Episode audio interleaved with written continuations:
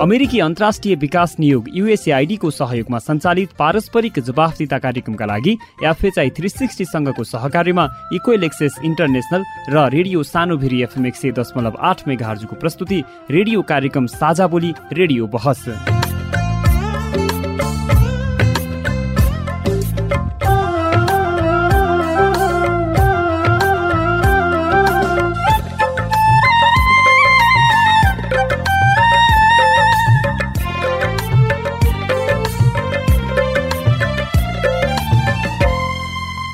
नमस्कार साझा बोली रेडियो बहसमा तपाईँलाई स्वागत छ। म मनिष खड्गा। साझा बोली रेडियो बहसमा हामी नागरिक समाज आम सञ्चार माध्यम र सार्वजनिक निकाय बीचको पारस्परिक जवाफदिता र आपसी सम्बन्धका विषयमा बहस गर्छौँ। पारस्परिक जवाफदिताका क्षेत्रीय सवाल र परिवेश समेटेर तयार पारिएको साझा बोली रेडियो बहसको यो स्थानीय संस्करण हो। आजको साझा बोली रेडियो सानी फेरि एफएम एक सय दशमलव आठ मेगार्जले उत्पादन गरेको हो। यो कार्यक्रम रोल्पा जिल्लाको रेडियो रोल्पा एफएमबाट पनि सुन्न सकिन्छ। साझा बोली रेडियो बहसको यस सत्रको यो स्थानीय संस्करणको पच्चिसौँ भाग हो। झन्डै चार वर्ष अघिदेखि प्रसारण भइरहेको साझा बोली यस वर्ष रेडियो बहसका रूपमा उत्पादन तथा प्रसारण सुरु भएको हो। साझा बोली रेडियो बहसको आजको भागमा कृषिमा सहुलियत ऋणका बारेमा छलफल गर्दैछौँ। देशमा सङ्घीयता आएपछि हरेक क्षेत्र जस्तै कृषिमा लगानी बढ्दो छ। कृषिमा अनुदानदेखि अन्य विभिन्न शीर्षकहरूमा ठुलो रकम खर्च भइरहेको छ। तर कृषिमा बाँडिने अनुदानमा भने पछिल्ला दिनहरूमा प्रश्न उठिरहेको छ। अनुदानमा लगानी भएअनुसार उपलब्धि देखिन नसकेपछि कृषि अनुदानभन्दा पनि सहुलियतपूर्ण ऋण तथा उत्पादनका आधारमा प्रोत्साहनको व्यवस्था हुनुपर्ने मागहरू भइरहेका छन्। आज हामी केही स्थानीय तहले कृषिमा सहुलियत ऋणको व्यवस्था गर्ने बारेमा केही सोचेका छन् त भन्ने विषयमा बहस गर्दैछौँ। पालिका स्तरमा नौ सय चालिसवटा समूह गठन भइसकेका छन्। पहिलो चरणमा पापावटा समूहलाई ऋण उपलब्ध बनाउने भनेर भनिराखेका छौँ। छवटाले लगिसकेका छन्। त्यस्तै स्थानीय तहले खास कृषक पहिचानको मापदण्ड के बनाएका छन् भन्ने सिधा प्रश्नको सिधा जवाब पनि खोज्नेछौँ। हामीले त्यो छुट्यायौँ कम्तीमा पाँचवटा भैँसी पालेको छ भने त्यसलाई भैँसी पालक कृषक मान्न सकिन्छ। कम्तीमा पचासवटा भेडा बाख्रा पालेको छ भने बाख्रा पालक कृषक मान्न सकिन्छ। कम्तीमा सय बुटा सुन्तला लगाएको छ भने त्यसलाई फलफुल किसान मान्न सकिन्छ। खास कृषकहरू मात्रैले अनुदान पाउने अथवा ऋण पाउने चाहिँ अवस्था हुन्छ कि फेरि ऋणमा पनि त्यही चाहिँ भन्सुनको आधारमा अथवा चाहिँ यही चिन्जानको आधारमा चाहिँ लगानी हुन्छ। त्यस्तो त छैन। चिन्जानको आधारमा छैन। धरातलीय यथार्थका आधारमा ऋण लगानी हुने हो अथवा अनुदान पाउने हो अथवा प्रोत्साहन पाउने हो। साथै नभएको ठाउँमा सहुलियतपूर्ण कृषि ऋण तथा प्रोत्साहनको व्यवस्था तथा भएको ठाउँमा सही कार्यान्वयनका लागि नागरिक समाज र स्वयं कृषकको भूमिकाका विषयमा पनि आज हामी चर्चा गर्नेछौँ। सबैभन्दा किसान चलाक हुनुपर्छ।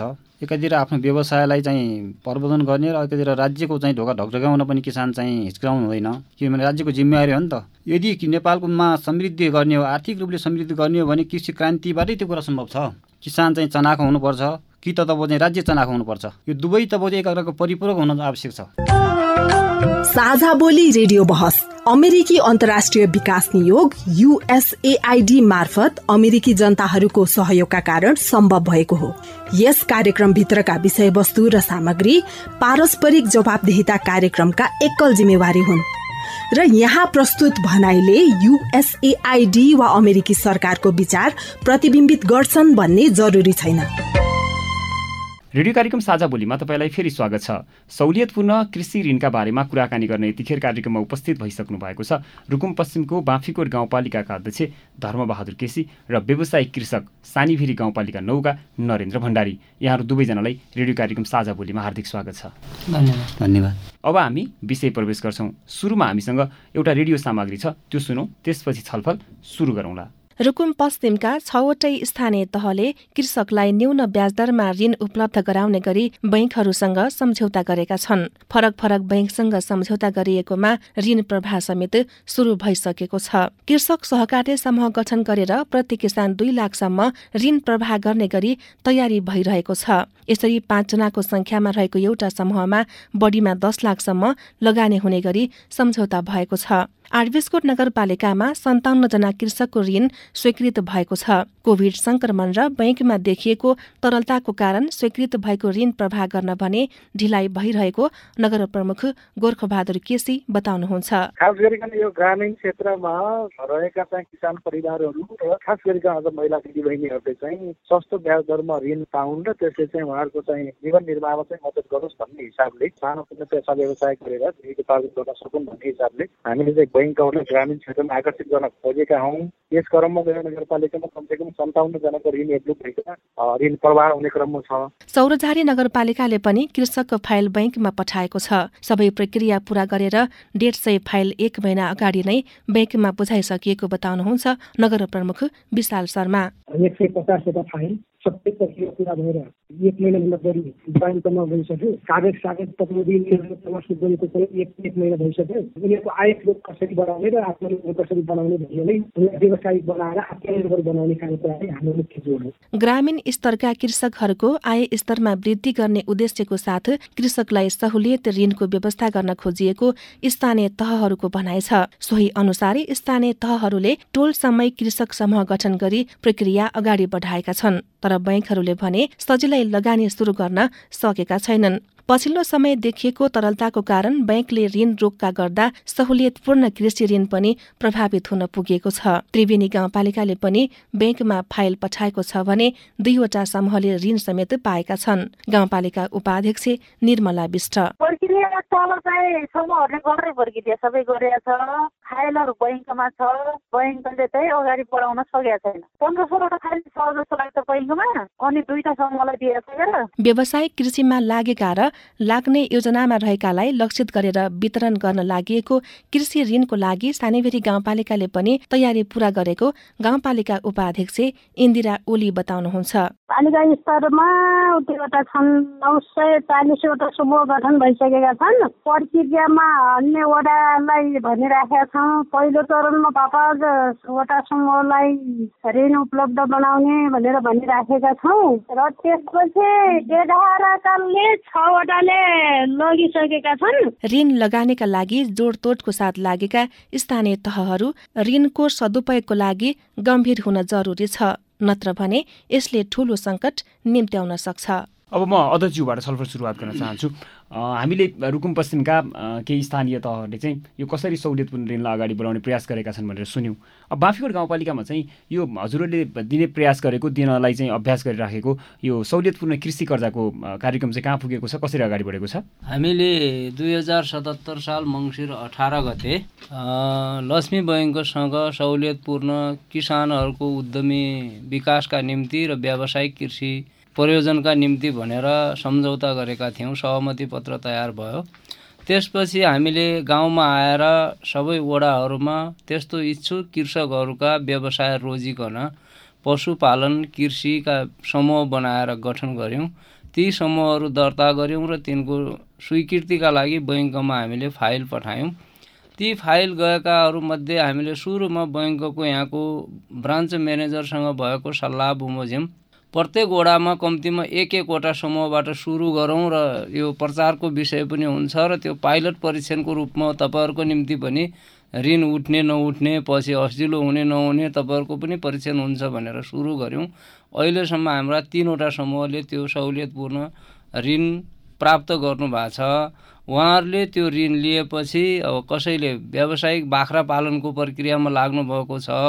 ती बाख्रा पालन गर्ने किसानहरूले बिमा गर्नुपर्ने प्यान नम्बरमा दर्ता हुनुपर्ने सबै कानुनी कागजहरू मिलाउँदाखेरि प्रक्रिया मिलाउँदाखेरि अलि ढिला भयो एउटा कुरा। दोस्रो कुरा बैङ्कहरूले हामी राजनीतिक कर्मीहरूले किसानलाई सहुलियत होस् भनेर जुन सोच्यौँ बैङ्कहरूले कहिले यो राजनीतिक मुद्दा भएको कारणले राजनीतिक नारा भएको कारणले हाम्रो पैसा फिर्ता हुने होइन कि भन्ने खालको पनि अलिअलि आशंका त्यहाँ उत्पन्न भयो र बैङ्कहरूले पनि अलिक ढिला गरे। पछिल्लो चरणमा यो तरलताको कुरा उठाएर अलिक ढिला भयो। यद्यपि त्योभन्दा पछिल्लो प्रक्रियामा आउँदाखेरि अहिले बैङ्कहरू ऋण प्रवाह गर्न उद्धत छन्। र प्रक्रिया अगाडि बढेको छ र अब तीव्रतामा जाने अवस्थामा अब यहाँले भने जस्तो बाख्रा पालन तरकारी खेती अथवा अरू अरू यो कृषि व्यवसायको लागि भनेर यहाँले अनुदान बाँडिराख्नु भएको थियो। अब ऋण चाहिँ किन दिनुपर्ने भयो? यस्तो भयो हाम्रा अनुदानका विधिहरू सङ्घीय सरकारको प्रदेश सरकारको र स्थानीय सरकारको उत्पादनमा लगानीमा अनुदान हुने भयो। उत्पादन बेसिस भएन। उत्पादनमा प्रोत्साहन हुनु पर्थ्यो जस्तो कि सन् उन्नाइस सय सत्तालिसमा भारत स्वतन्त्र हुने बेलामा। त्यहाँको भारतमा एउटा नारा भएको रहेछ किसानहरूका निम्ति भकारी पूर्ण भकारी सहुलियत प्रोत्साहन भन्ने रहेछ। जसले भकारीभरि अन्न राख्यो उसले मात्रै प्रोत्साहन पाउने अथवा सुविधा पाउने त्यस्तो विधिबाट गएर अहिले भारत चाहिँ कृषिमा आत्मनिर्भर भयो। उसको उत्पादनले बाहिर निर्यात गर्ने ठाउँमा पुग्यो। नेपालमा के भयो भने लगानीमा अनुदान भयो। अनुदान पाएको सम्पत्ति अथवा पैसा किसानले जुन ठाउँमा भनेर प्रस्ताव गरेर अनुदान प्राप्त गर्यो त्यो ठाउँमा खर्च गरिदिएन। भनेको अब अनुदान कार्यक्रम असफल भयो भने असफल भयो। एक प्रकारले असफल भयो। किनकि अनुदान कार्यक्रम असफल हुनुका दुई तिनवटा कारण छन्। एउटा सामान्य किसानले अनुदान प्राप्त गर्न सक्दैन। जो बाटो टाँटो छ झोले छ अथवा कागजपत्र मिलाउन सिपालु छ त्यसले गरिराखेको छ। खास व्यवसायले अनुदान पाइरहेको छैन। अब पनि कृषि ऋण खास व्यवसाय गर्ने व्यवसाय किसानले पाउँछन् भन्ने ग्यारेन्टी चाहिँ के छ? त्यसका निम्ति त उनीहरूले सिर्जना गरेको फाराम उनीहरूले सुरु गरेको कामको रूपरेखा त्यसपछि उनीहरूका कामका तौर तरिका हेरेर न बैङ्कले लगानी गर्ने हो। हामीले पनि त्यस्तोलाई सिफारिस गर्ने हो। अनि हिजो अनुदान बाँड्दाखेरि पनि फर्म हेर्नेदेखि लिएर उसले लगानी गरेको छ कि छैन भन्ने कुरा पनि हेरिन्थ्यो। त्यो भयो। स्थानीय तहले वितरण गरेका अनुदानमा धेरै त्यति धेरै चुहावट भएन। सङ्घीय सरकार र प्रदेश सरकारले गर्नेमा चाहिँ प्रत्यक्ष स्थलगत अनुगमन भएन। नभएपछि कागजपत्र मात्रै हेरियो। हेर्ने ठाउँमा कागज अरू कसैको ल्याएर अरू कसैका भेडा बाख्राको फोटो खिचेर अनि अरूका डकुमेन्ट ल्याएर आफ्नो नाम सारी गरेर पनि अनुदान प्राप्त गर्नेतिर लाग्या हुनाले अनुदान हो भनेपछि फिर्ता गर्नु नपर्ने बुझेपछि त्यो पैसाको सदुपयोग हुन नसकेको हजुर अब यो कृषि ऋण चाहिँ कसरी बाँड्नुहुन्छ? यसको प्रक्रिया के छ? हामीले यसको प्रक्रियामा पहिले उसको कामको योजना प्रस्ताव त्यसपछि त्यसको स्वीकृति पत्र उसले काम गर्ने प्रस्तावना पत्रसँगै त्यसका एका घरका अथवा सहोदर मान्छेहरूलाई साँची राखेर सहुलियतपूर्ण ऋणको सदुपयोग गर्नुपर्छ भनेर बैङ्किङ प्रक्रियामा कागजपत्र तयार गरेर मात्रै त्यो लोन प्रवाह गरिरहेको हजुर हुन्छ। म अब यहाँ कृषक हुनुहुन्छ नरेन्द्र भण्डारी। लामो समयदेखि यहाँ कृषि पेसामा आबद्ध हुनुहुन्छ होइन? व्यावसायिक रूपमा कृषि प्रणालीलाई यहाँले अँगाली राख्नु भएको छ। अब यस्ता कार्यक्रमहरू जो चाहिँ सहुलियतपूर्ण ऋणका कुरा छन् अनुदानका कुरा छन् प्रोत्साहनका कुरा छन् होइन? यस्ता कार्यक्रमले चाहिँ खास व्यवसायिक कृषकलाई कस्तो सहयोग पुर्याउँदो रहेछ? यहाँको अनुभव सुनौ न। मैले सहुलियतपूर्ण ऋणको विषयमा के कुरा जानकारी गराउनु खोजेँ भने यो सहुलियतपूर्ण ऋण एउटा पाटो हो यो। यो कृषि क्षेत्रमा तपाईँले सबै कुरा यो सहुलियत ऋण होइन। यो एउटा सामान्य एउटा पाटो मात्रै हो। सहुलियतपूर्ण ऋण तपाईँ कहाँ कहाँ पुग्नुपर्छ भने वास्तविक किसान कहाँ पुग्नुपर्छ वास्तविक किसान कहाँ सहुलियतपूर्ण ऋण पुग्यो भने वास्तविक किसानले त्यसलाई कार्यान्वयन गर्छ। र कागजी कुरामा कागजीमा मात्रै मिलाउने कुरा किसान कहाँ गयो भने त्यो कुरा कार्यान्वयन हुँदैन। हजुर। अब यस्ता कार्यक्रमहरू भयो भने सहयोग भयो भने चाहिँ कस्तो फाइदा पुग्दो रहेछ? यहाँले आफूले चाहिँ अहिले त्यस्तो किसिमको सहयोग पाउनु भएको छ कि छैन होइन? त्यो सहयोगले चाहिँ यहाँलाई चाहिँ अब आफ्नो व्यवसायलाई अगाडि बढाउनको लागि चाहिँ केही सहयोग गरेको छ? वास्तविक किसान कहाँ पुग्यो भने त्यो कुनै पनि बजेट यता अनुदान होस् पचास पर्सेन्टवाला अनुदान होस् या त तपाईँको चाहिँ सहुलियतपूर्ण ऋण होस् यसले चाहिँ प्रत्यक्ष रूपले चाहिँ वास्तविक किसान कहाँ पुग्यो भने त्यो कुराले उसले गर्छ। हजुर। अहिले यहाँले के व्यवसाय गर्नुभएको छ? कति भयो? भयो यहाँले व्यवसाय गरिरहेको र अहिलेसम्म त्यस्तो केही अनुदान पाएको सहयोग पाएको छ कि छैन अहिले? मैले लामो समयसम्म नर्सरी क्षेत्रमै काम गरेँ। मेरो स्वर्गीय बुवाले नै सञ्चालन गर्नुभएको थियो। दुई हजार चालिस सालतिर नै स्थापना गर्नुभएको थियो। अनि पछि मैले म आफैले पनि त्यो फर्मलाई सञ्चालन गरेको कम्तीमा पनि बाह्र वर्ष जति भयो होला। म निरन्तर चाहिँ कृषि पेसामै संलग्न छु। मेरो अनुभव के छ भने वास्तविक किसान कहाँ चाहिँ बजेट पुग्नुपर्छ कार्यक्रम पुग्नुपर्छ ऋण पुग्नुपर्छ? अहिले त्यो अवस्था छ कि छैन? तपाईँ जस्तो किसानले चाहिँ सजिलै अथवा व्यवसायिक रूपमा व्यावसायिक रूपमा चाहिँ खेतीपाती गरिराखेको किसानले चाहिँ अनुदान पाउने प्रोत्साहन पाउने त्यो सजिलो अवस्था छ कि छैन? अब त्यति सजिलो त छैन। अब चाहिँ हामीले राज्यको ढोका घचघच्याउनु पर्छ घचघच्याउनु पर्छ है। सजिलैसँग तब चाहिँ हामीले त्यहाँ कहाँ गए हामी किसान वास्तवमा राज्य कस्तो हुनुपर्छ भनेपछि वास्तविक किसान कहाँ गएर पुग्नुपर्छ उसका समस्याहरू के हुन् त उसका आवश्यकताहरू के हुन् त राज्यले चाहिँ त्यहाँनिर ध्यान दिनुपर्छ। र हामीले चाहिँ ढोका घचकाउनु पर्छ र घचकाएपछि मैले केही चाहिँ राज्यबाट केही चाहिँ अनुदानहरू पाएको थिएँ र त्यसलाई मैले सफल रूपले कार्यान्वयन गरेको छु। हजुर यो कस्तो सहयोग हुँदो रहेछ खासमा? यहाँहरू गरिराख्नु भएको छ होइन? अब यस्तो छ यो अटोमेटिक रूपले तपाईँको चाहिँ नर्सरी क्षेत्र म म आफै नर्सरी क्षेत्रमा लागेका कारणले गर्दाखेरि नर्सरीलाई प्रबन्धन गर्ने कुरा त्यसका चाहिँ स्रोत साधनहरू प्रविधिका कुराहरूले गर्दाखेरि एक अगाडि त बढ्ने भइ नै हाल्यो। अनि समग्र रूपले पनि चाहिँ किसानहरू गर्ने किसानहरूको चाहिँ दृढ इच्छा शक्ति उच्च मनोबलको साथ अगाडि बढ्ने पनि चाहिँ एउटा ठुलो चाहिँ ऊ रहन्छ। मनोबल बढ्ने भयो मनोबल? बढ्ने नै भयो। हजुर। अध्यज्यू नरेनजीले भने जस्तो उहाँले भन्न खोजेको कुरा चाहिँ वास्तविक किसानकोमा सरकार पुग्नु पर्यो होइन? अब यहाँ कतिपय अवस्थामा सरकारलाई घचघचाउँदा पनि सहयोग नपाउने स्थिति पनि रहन्छ भन्ने कुरा उहाँले गर्नुभयो र हामीले गरिराखेकोमा थोरै चाहिँ एउटा इँटा थपिदियो भने हामीलाई अगाडि बढ्न सजिलो हुन्छ भन्ने जस्तो कुरा गर्नुभयो। यस्तो किसानहरूको खास पहिचानमा स्थानीय सरकारहरू चुकेको भन्न मिल्छ? चुकेकै भन्दा त अलि आरोपै होला। बरु नपुगेको चाहिँ साँचो हो। किनकि किसान सम्बन्धी कृषि पेसा नेपालको जनसङ्ख्याको अहिले पछिल्लो तथ्याङ्कले पनि पैँसठी प्रतिशत कृषि पेसामा आबद्ध छ। तर नेपालको कृषि कस्तो भयो भने निर्वाहमुखी भयो निर्यातमुखी भएन। होइन? निर्वाहमुखी कृषिलाई निर निर्यातमुखी कृषिमा रूपान्तरण गर्नका निम्ति निर्यातमुखी बनाउनको लागि भने स्थानीय तहले ध्यान नदिएको जस्तो देखिन्छ। जस्तो म तपाईँलाई उदाहरणसहित भन्छु उहाँकै नर्सरीमा विभिन्न किसिमका बिरुवाहरू वर्षौँदेखि थन्किएर बसेका छन् जो एक वर्षमा लगाउनु पर्ने बिरुवा चार पाँच वर्ष भइसक्यो बिकेको छैन। तर फेरि स्थानीय तहले कोटेसन माग्दाखेरि र स्थानीय तहले बिरुवा खरिद गर्दाखेरि जिल्ला बाहिरबाट गर्छन्। होइन जिल्लाको उत्पादनलाई चाहिँ व्यवस्था गरेर बाहिरबाट स्थानीय तहले खरिद गर्नुहुन्छ। अनि त्यसपछि त उहाँलाई अनुदान जति दिए पनि भयो उहाँले जति उत्पादन गरे पनि भयो उहाँलाई त दुरुस्तान नै बनाउने भयो त्यो कुराले। यसतर्फ त स्थानीय तहको ध्यान नपुगेकै यस्तो छ। हामी कहाँ उत्पादन भएको टिमुरको बिरुवा हामीले त्यहीँ खरिद गऱ्यौँ। सुन्तलाको बिरुवा हामीले त्यहीँ खरिद किन भन्दा गऱ्यौँ भोलि तपाईँले ऋण दिनुभयो? ऋण दिएर। किसानले राम्रो उत्पादन गर्यो भने त। तपाईँले किनिदिनु भएन भने फेरि बाहिरबाट किन्नु भयो भने त किसान मर्कामा पर्ने त्यो त भयो, मर्क? पर्छ हामीले त त्यहाँ भइरहेका नर्सरीहरूलाई त प्रोत्साहन गरिरहेकै छौँ र त्यही त्यहाँको बिरुवा खपत भए रहुन्जेलसम्म बाहिरबाट हामीले बिरुवा आयात गर्दैनौँ तर यहाँ कृषि ज्ञान केन्द्र होस् अथवा सङ्घीय सरकारको योजना होस् यसले चाहिँ बाहिरको ल्याउनुपर्छ स्थानीय प्रजाति फलिफाप हुँदैन भनेर उहाँहरूले फेरि बाहिरबाट ल्याउनुहुन्छ। गर्नुहुन्न हामीले त भनेकै छौँ होइन। होइन होइन सुझाव दिने कागजमा लेख्ने कुरा अलग छन् व्यवहारमा गएर हेरौँ कहाँ कहाँ नर्सरीमा बिरुवा जम्मा छन् कहाँको बिरुवा ल्याएर यहाँ बिक्री गरिँदैछ यसमा तपाईँहरू सचेत हुनुहुन्छ हो? हामी त सचेत छौँ र हामी कहाँ दुईवटा नर्सरी छन् एउटा टिमुरको बिरुवाको नर्सरी छ एउटा वनस्पतिको नर्सरी छ अर्को किबी नर्सरी छ। हामीले त्यो बिरुवा बाहिरबाट ल्याउँदैनौँ त्यहीँको बिरुवा हजुर। गर्छौँ अहिले तपाईँहरूले ऋण लगानी गर्नुहुन्छ होइन? गाउँपालिका त्यसमा चाहिँ गाउँपालिकाले सहजीकरण गर्छ भोलि केही तलमाथि भइहाल्यो भने गाउँपालिका जवाफदेही पक्कै हुन्छ होला। यो ऋणको चाहिँ सदुपयोग हुन्छ अथवा चाहिँ भोलि ऋण डुब्दैन भन्ने ग्यारेन्टी चाहिँ गाउँपालिकाले कसरी गर्छ अथवा स्थानीय सरकारले कसरी गर्नुहुन्छ? त्यो गाउँपालिका र स्थानीय सरकारको लगानी नभएर यो बैङ्कको लगानी हो खास तर यो यसको सबै सबै तजविज। मिलाइदिने कुरा त फेरि गाउँपालिकाले पनि हामीले बैङ्कसित गरेको एग्रिमेन्ट र सहमति के छ भने उहाँसँग गरेको समझदारी यदि बैङ्कको लोन फिर्ता हुन सक्ने स्थिति भएन कोही खराब ऋणी फेला पर्यो भने त्यस्तालाई सरकारी सहुलियतबाट वञ्चित गर्ने हाम्रो दायित्व हुनेछ।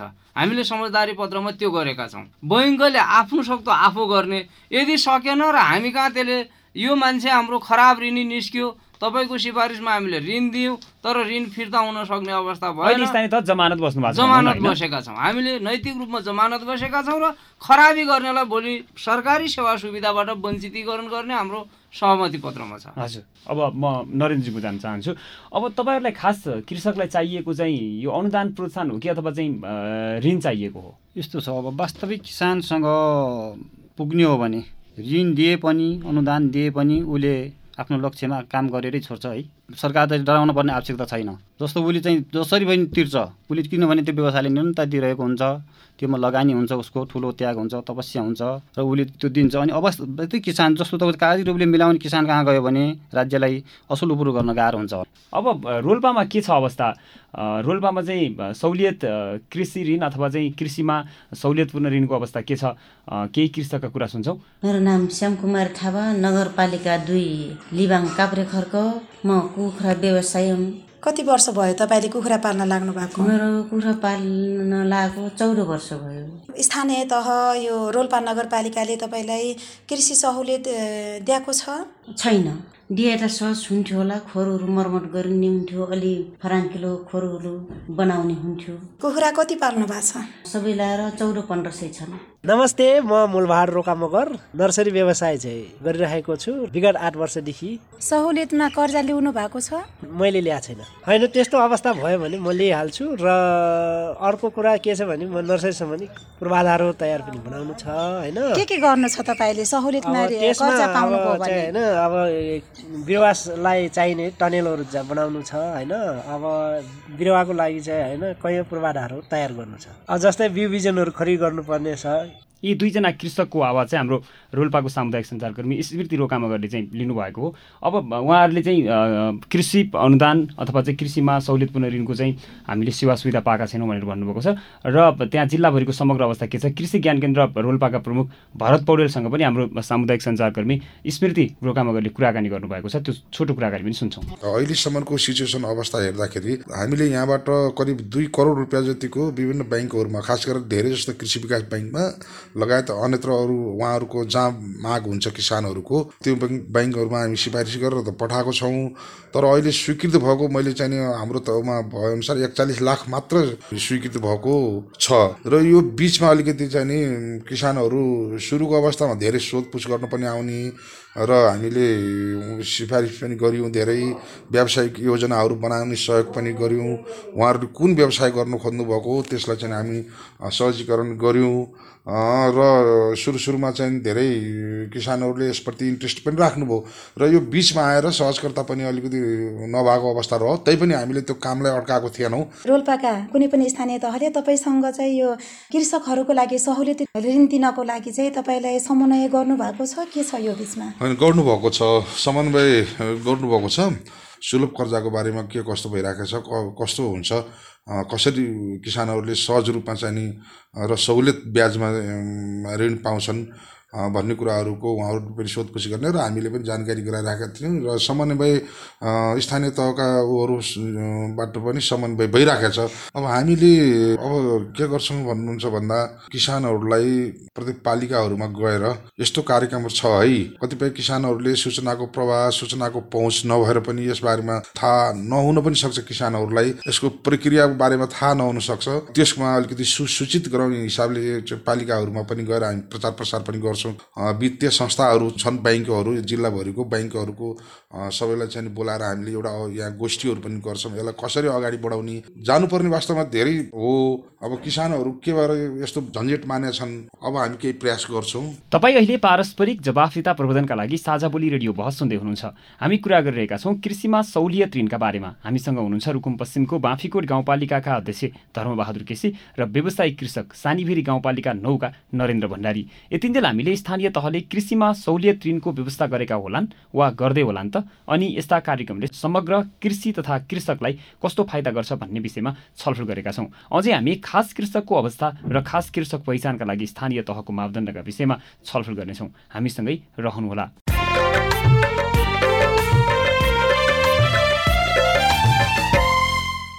रेडियो कार्यक्रम साझा बोलीमा कृषिमा सहुलियत ऋणका बारेमा छलफल गरिरहेका छौँ। अहिलेसम्म हामीले के स्थानीय तहले कृषिमा सहुलियत ऋणको व्यवस्था गरेका होलान् वा आगामी दिनमा गर्दैछन् अनि कृषकका लागि कृषि ऋण कतिको आवश्यक छ भन्ने लगायतका विषयमा छलफल गऱ्यौँ। अब हामी खास कृषकको अवस्था र खास कृषक छनौटको मापदण्डका विषयमा छलफल गर्छौँ। म अध्यक्षज्यूकोमै जान्छु।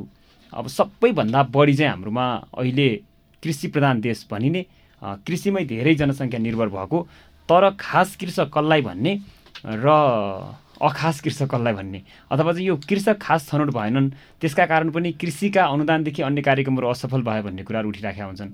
तर फेरि बहुल जनसङ्ख्या हामी कृषिमै छौँ। अब ठ्याक्कै कसलाई खास कृषक भन्ने? कसलाई चाहिँ अलिक सामान्य कृषक भन्ने? कसलाई लगानी गर्ने अथवा कसलाई लगानी नगर्ने? अब यो पाँच वर्षको पिरियडले चाहिँ यहाँलाई के कुरा सिकायो? यो कस्तो देखियो भने पेसा के हो भनेर लेख्दाखेरि उसको पारिवारिक विवरण लेख्दाखेरि पेसा कृषि लेख्ने तर उसको घरमा गएर उसको भान्सामा हेर्दा उसको बारीमा फलेको चिज केही पनि नभेटिने। नुन तेल जस्ता विषय त उत्पादन नहुने भयो बजारबाटै आउने भयो। तरकारी आफ्नो बारीको हुनुपर्ने अन्न बाली आफ्नो बारीको हुनुपर्ने त्यो छैन। खास कृषि पेसा भनेकै के हो भन्ने कुरामा हामी अन्यल क्लियर छैनौँ। त्यसमा हामी जनप्रतिनिधि पनि हेर्दाखेरि भन्दा कृषि भन्ने कृषिका क्षेत्रहरू के के हुन्? त्यो आत्मनिर्भर कृषि के हो? त्यो व्यवसाय कृषि के हो? त्यसैमा आधारित भएर आफ्नो जीवन र आफ्नो परिवारको भरण पोषण गर्ने विधि के हो भन्ने बारेमा जानकारी छैन। एक। दोस्रो कुरा कृषि मात्रै लेखेको छ पेसा कृषि लेख्छ। तर मोही मागेर खान्छ। होला फलफुल खेती गर्ने त भैँ भैँसी पाल्दैन मोही माग्न पनि सक्ला किन्न पनि सक्ला। तर त्यो किन्नका निम्ति आफूले केही बेच्नु पर्यो। आफूले उत्पादन गरेको बिक्री गरेर त्यो पैसाले अर्काले उत्पादन गरेको किन्यो भने त्यो पनि कृषि मान्न सकिएला।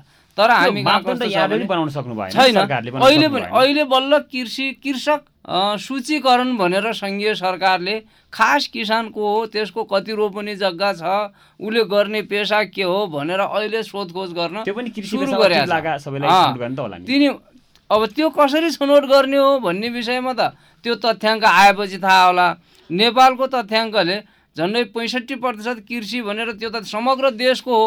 रुकुम विशेषमा त अझ त्योभन्दा बढी पनि त्यसको पर्सेन्ट होला। केही नभए यहाँ आफैले चाहिँ केही मापदण्ड बनाउनु भएन। कस्तालाई खास कृषक मानेर तिनलाई लगानी गर्ने सहयोग गर्ने अलि बढी। र कस्तालाई चाहिँ अलिक सामान्य खालको कृषक मानेर उनलाई चाहिँ थोरै खालको सहयोग गर्ने। हामीले हामीले त्यो छुट्यायौँ। हामीले के छुट्यायौँ भने कम्तीमा पाँचवटा भैँसी पालेको छ भने त्यसलाई भैँसी पालक कृषक मान्न सकिन्छ। कम्तीमा पचासवटा भेडा बाख्रा पालेको छ भने बाख्रा पालक कृषक मान्न सकिन्छ।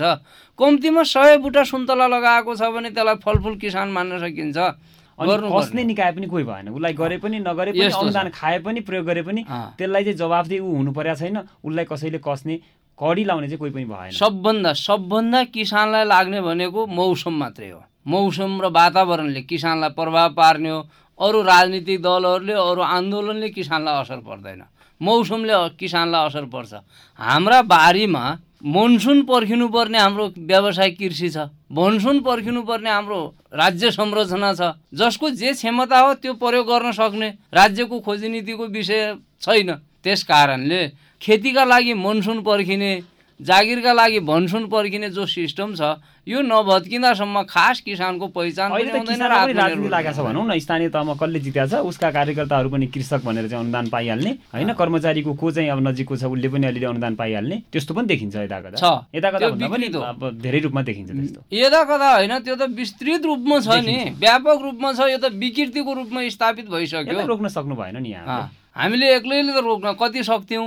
हामीले कोसिस कति गऱ्यौँ कति गरेनौँ त्यो दोस्रो पाटो हो। तर रोक्न नसकिने संयन्त्रहरू सामाजिक सञ्जालहरू दुनियाँभरका जे संयन्त्रहरू अहिलेसम्म परिचालित छन् यसका कारणले खास किसानले पाउनुपर्ने सुविधा छैन। खास कृषि पेसाको व्यावसायिकताको बारेमा कृषक भनेर चिनिने साथीहरूले व्यावसायिक कृषिको बारेमा तालिमै पाउनु भएको छैन। त्यो ज्ञानकै अभाव छ। त फुर्सद पनि छैन। व्यावसायिक रूपमा काम गरिरहेको मान्छेले एक दिन घर छोड्ने फुर्सद छैन बारी छोड्ने फुर्सद पनि छैन उहाँलाई होइन? घाटा लाग्छ। तर यहाँ त कागज प्रक्रिया मिलाएर खाने कृषकले पो समस्या पनि आयो त। हो त्यही भएर। माफीकोट गाउँपालिकामा चाहिँ खास कृषकहरू मात्रैले अनुदान पाउने अथवा ऋण पाउने चाहिँ अवस्था हुन्छ कि फेरि ऋणमा पनि त्यही चाहिँ भन्सुनका आधारमा अथवा चाहिँ यही चिन्जानका आधारमा चाहिँ लगानी हुन्छ। त्यस्तो त छैन। चिन्जानको आधारमा छैन धरातलीय यथार्थका आधारमा ऋण लगानी हुने हो अथवा अनुदान पाउने हो अथवा प्रोत्साहन पाउने हो। बरु अहिले सब सबैलाई लागु हुने गरी हामीले एक घर एक ज्येष्ठ किसान प्रोत्साहन भत्ता भनेर जो अघि सारेका छौँ यसले अलिकति सकारात्मक सन्देश देला जस्तो छ। उत्पादनमा अनुदान हुँदैन उत्पादनमा प्रोत्साहन हुन्छ। लगानीमा अनुदान होइन उत्पा उत्पादनमा प्रोत्साहनमा जोड दिनुपर्छ भन्ने हाम्रो भनेको उसले गर्ने उत्पादनका आधारमा प्रोत्साहन दिने अगाडि बढाउनुहुन्छ। हस् म नरेन्जीमा जान्छु अब यो स्थानीय तहहरू यो पाँच वर्षको अवधिमा चाहिँ यो को खास कृषक हुन् को चाहिँ होइनन् भन्ने कुरामै रुमल्ली होइन? यस्तो समस्या देखियो। कृषिको बजेट तब चाहिँ ल्याउनु र कृषिको बजेट खर्च गर्नु मात्रै ठुलो कुरा होइन। कृषक चाहिँ व्यवसायिक बन्यो कि बनेन त्यो कुरा ठुलो महत्त्वपूर्ण कुरा हो। जस्तो बजेट आयो कार्यान्वयन भयो मैले पाँच वर्षको पिरियडमा मैले पनि यही हेरेँ अध्ययन गरेँ जस्तो हाम्रा गाउँ गाउँहरूमा बजेटहरू गए तर तिनी बजेटहरू ती संरचनाहरू जस्ताका त्यस्तै छन् तिनी समाचारहरू तपाईँको चाहिँ भित्तभङ्ग भएका छन् जहाँ वास्तविक किसान कहाँ पुगेका छन् त्यहाँ चाहिँ व्यवसाय फस्टाएको छ। वास्तविक किसान कहाँ पुग्यो जस्तो तपाईँको कतै समूहद्वारा कतै सहकारीद्वारा गरिएका ती संरचनाहरू भित्ताभङ्ग भएका छन् राज्यको त आखिरी खर्च त भयो त। पैसा त वास्तविक किसान कहाँ राज्यले लगानी गरिदियोस् जस्तो चालिस पचास लाखको कारोबार एउटा व्यवसायिक किसानले गर्यो भने राज्यलाई चार पाँच लाख रुपियाँ कर तिर्न चाहिँ घाटा हुँदैन। यो के भन्छ यो सहयोगभन्दा पनि कृषकको इच्छा शक्ति चाहिँ मेन कुरा हुँदो रहेछ त्यसो भए। दृढ शक्ति दृढ दृढ इच्छा शक्ति निरन्तरता लगनशीलता चाहिँ अनिवार्य छ किसानमा होइन? त्यो हुन आवश्यक छ।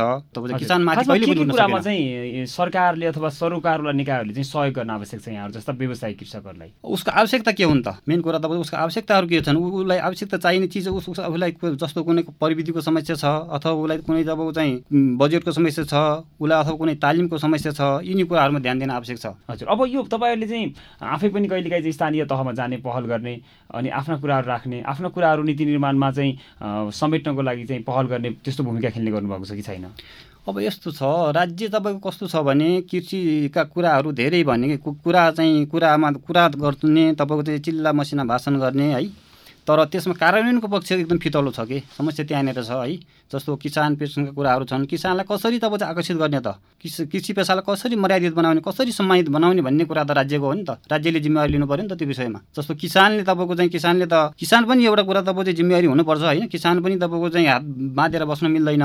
वास्तविक तपाईँ दुवै परिपूरक भयो भन्नेमा चाहिँ कृषि क्षेत्र अगाडि बढ्ने हो। अब स्थानीय सरकारहरूले कृषक छनौटका लागि चाहिँ कस्तो मापदण्ड चाहिँ बनायो भने चाहिँ खासमा तपाईँहरू जस्ता कृषकहरू चाहिँ यस यो कार्यक्रममा चाहिँ समेटिन सक्ने अथवा खास कृषकको सूचीमा पर्न सक्ने देखिन्छ। उसको पृष्ठभूमि के हो? उसले के गरिरहेको छ?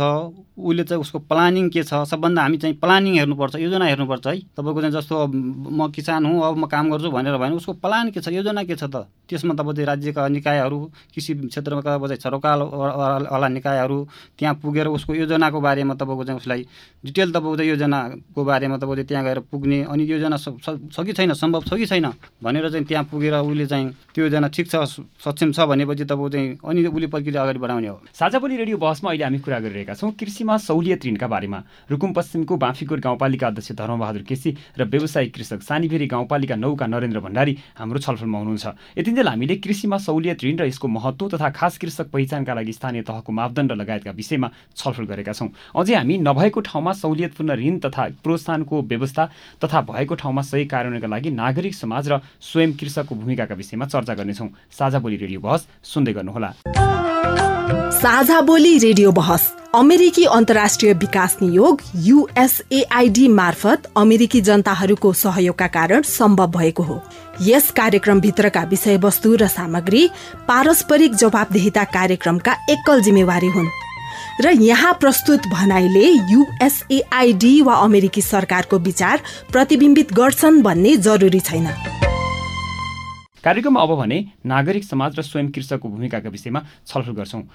म फेरि अध्यक्षज्यूबाटै सुरु गर्छु। एउटा सचेत कृषकले चाहिँ अब आफ्ना लागि आएको बजेट कसरी प्रयोग भइरहेको छ खर्च कसरी भइरहेको छ भनेर कसरी चासो राख्ने अथवा चाहिँ यहाँहरूसम्म नपुगेका केही कैफियत रहेछन् समस्या रहेछन् भने चाहिँ तपाईँहरूको ठाउँमा तपाईँहरू भएकोसम्म कसरी पुर्याउने? त्यसको लागि उनीहरूको के भूमिका रहन्छ? खास कृषि पेसामा लाग्ने मान्छेको इच्छा शक्ति श्रम शक्ति श्रमप्रति आस्था नजगाउने हो भने कृषि क्षेत्र पस्टाउँदैन नागरिक समाज अहिले नागरिक नागरिकहरूलाई के देखिन्छ भने नेपालको कृषि क्षेत्रमा संलग्न मान्छेहरूलाई मोटिभेसन क्लासको जरुरत छ। किनकि मान्छे आफैमा इच्छा शक्ति पैदा भएन भने राज्यले लगानी गरेको पनि डुब्ने उसको परिश्रम पनि डुब्ने उत्पादन केही नहुने दुःख खेर जाने अनि नकारात्मक परिणाम आउने र सबैले त्यही नकारात्मक हेर्ने अनि काम गर्ने इच्छा शक्ति झन् मर्दै जाने। स्थानीय सरकारको ध्यान नपुगेको हुनसक्छ होइन?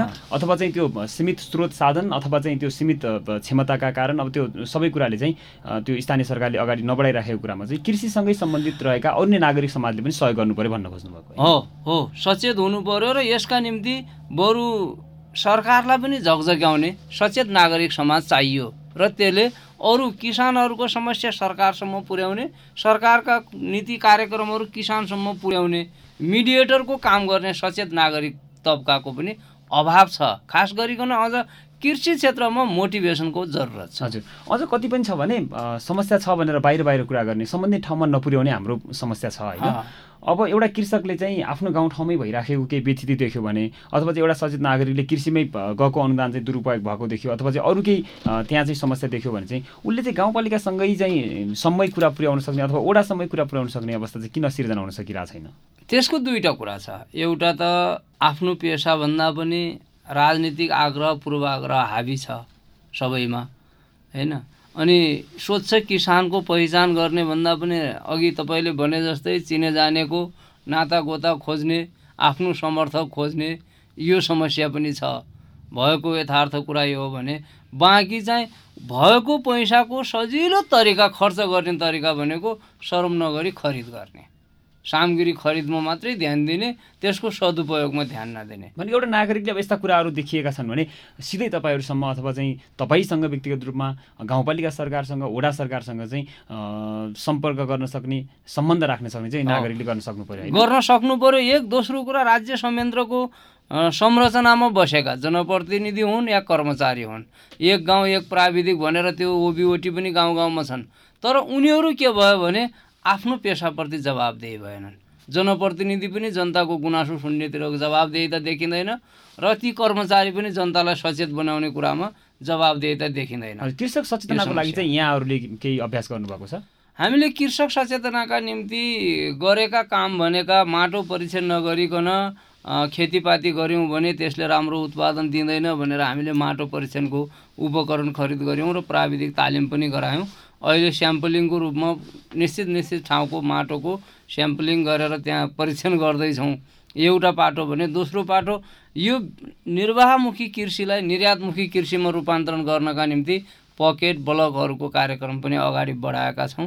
त्यो अनुसार अब अलिक केही सुधार त हुँदैछ। पहिलेको तुलनामा सुधार छ तर जति छिटो सुधार हुनुपर्ने थियो त्यति त्यो गतिमा छैन। हजुर अब यो सचेतनाको पाटो भनेको कृषकहरूलाई आफ्नो कुरा राख्न सक्ने बनाउनको लागि होइन उनीहरूले चाहिँ आफ्नो मागसित तपाईँहरूसँग राख्न सक्ने बनाउनको लागि चाहिँ त्यो क्षमता विकासको कार्यक्रम अगाडि बढेको छ। समूह छन्। हरेक कृषि क्षेत्रका सबै क्षेत्र त्यो कृषिका विषयगत क्षेत्रहरू छन् र त्यो विषयगत क्षेत्रका सञ्चालक समिति छन्।